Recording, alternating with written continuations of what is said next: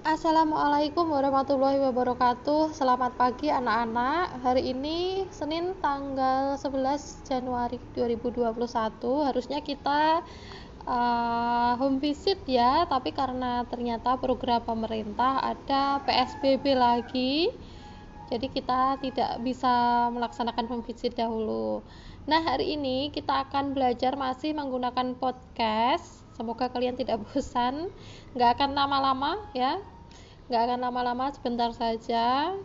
Terus habis itu kita nanti latihan. Baik. Uh, sebelum dimulai pembelajaran pada pagi hari ini, mari kita berdoa menurut agama dan kepercayaan kita masing-masing.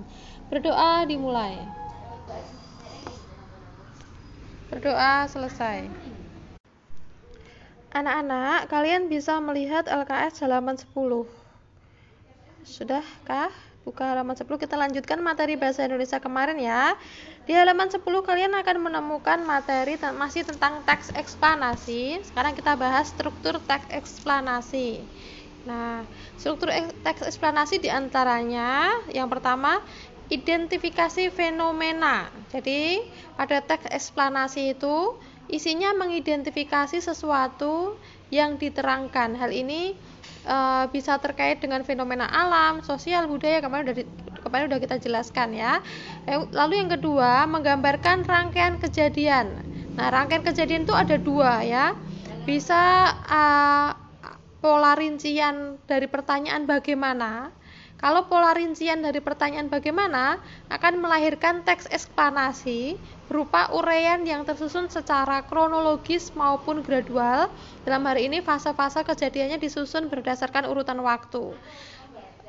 Urutan waktu sekarang, kemudian setelah itu dan sebagainya. Berarti urut gitu. Itu uh, teks eksplanasi uh, yang diterangkan atas dasar bagaimana ya, atas pertanyaan bagaimana. Lalu teks eksplanasi yang dijabarkan uh, atas pertanyaan mengapa itu akan melahirkan uraian yang tersusun secara pola sebab akibat ya. Dalam hal ini fase-fase kejadiannya disusun berdasarkan hubungan sebab akibat.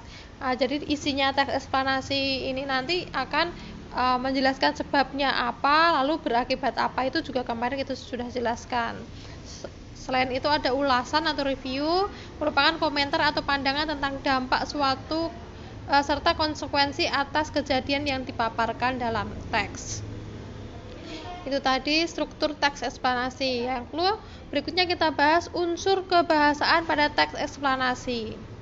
Unsur kebahasaan pada teks eksplanasi sama seperti teks-teks pada umumnya, akan tetapi pada teks eksplanasi lebih berfokus pada penggunaan konjungsi dalam kalimatnya. Sebagai sebagai jenis teks yang berkategori faktual atau non sastra ya, Teks eksplanasi menggunakan kata-kata lugas dan denotatif. Jadi dengan makna yang sebenarnya, bukan konotatif. Kalau teks-teks sastra, teks-teks fiksi itu kan bisa menggunakan kata-kata dengan uh, makna yang berbeda. Tapi kalau teks eksplanasi itu uh, menggunakan kata-kata yang lugas atau denotatif yang artinya ya arti sebenarnya dari kata tersebut.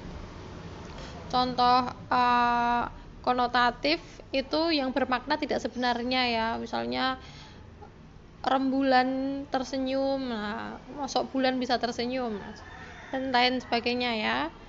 Nah hal-hal ini hal-hal yang itu membedakan ya antara teks eksplanasi dengan yang tidak teks eksplanasi. Lalu bagaimana cara menyusun uh, bagian-bagian uh, pokok teks eksplanasi? Nah kita untuk menyusunnya kita akan membahas ciri-ciri teks eksplanasi. Sebenarnya kemarin kita sudah membahas bagaimana cara menyusun ya, menentukan topik, membuat rancangan kerangka, mengumpulkan referensi, mengembangkan teks, lalu menyunting teks. Nah, ini kita bahas ciri-ciri. Ciri-ciri teks eksplanasi. Kemarin juga sudah ya ternyata ciri-ciri teks eksplanasi ya.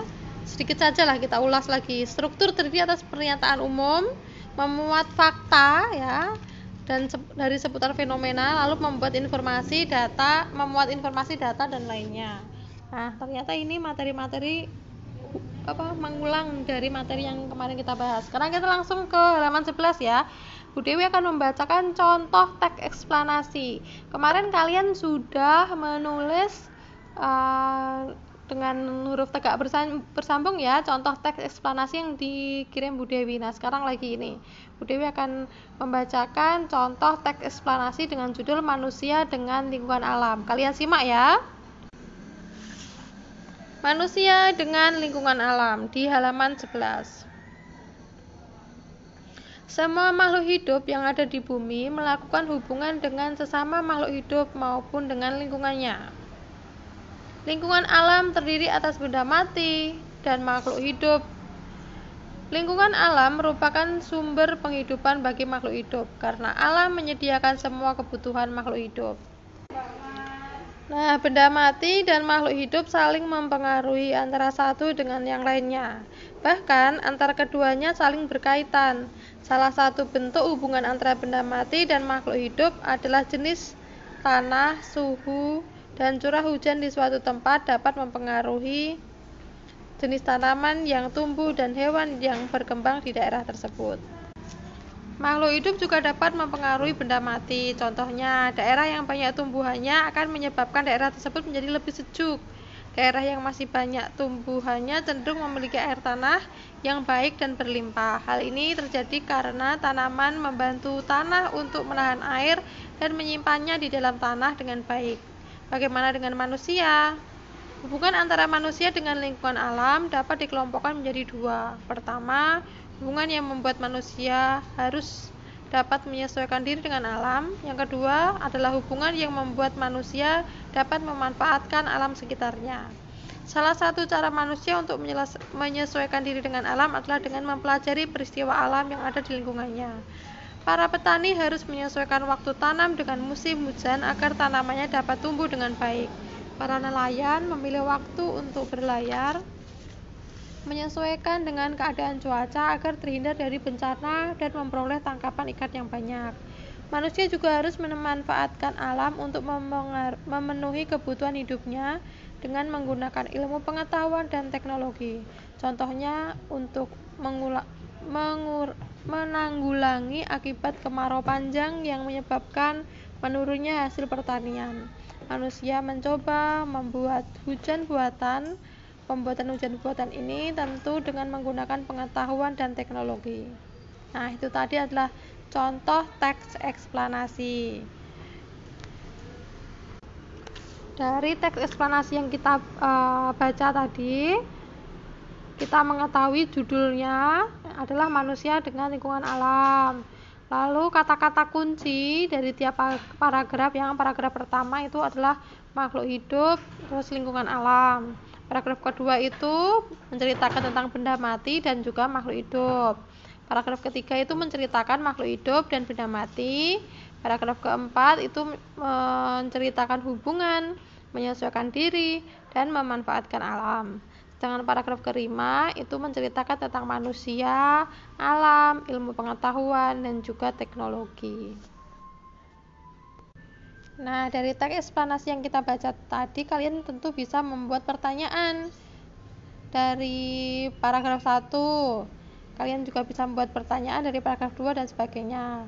Kalian juga dapat menyimpulkan uh, simpulan dari bacaan yang tadi nah di sini sudah ada nih bahwa makhluk hidup melakukan hubungan dengan sesama makhluk hidup dalam lingkungannya. Makhluk hidup juga juga dapat mempengaruhi benda mati. Manusia memanfaatkan alam dengan menggunakan ilmu pengetahuan dan teknologi. Nah, itu tadi uh, sekilas materi kita tentang teks eksplanasi. Tugas kalian sekarang adalah mengerjakan soal-soal Romawi 1 ya nanti akan Bu Dewi kerjakan dulu di LKS nanti akan Bu Dewi kirim linknya biar kalian tahu jawaban yang betul dan nanti juga Bu Dewi akan kirim kunci jawaban Romawi 2 dan juga Romawi 3 untuk bahan kalian belajar. Sekian dari Bu Dewi. Wassalamualaikum warahmatullahi wabarakatuh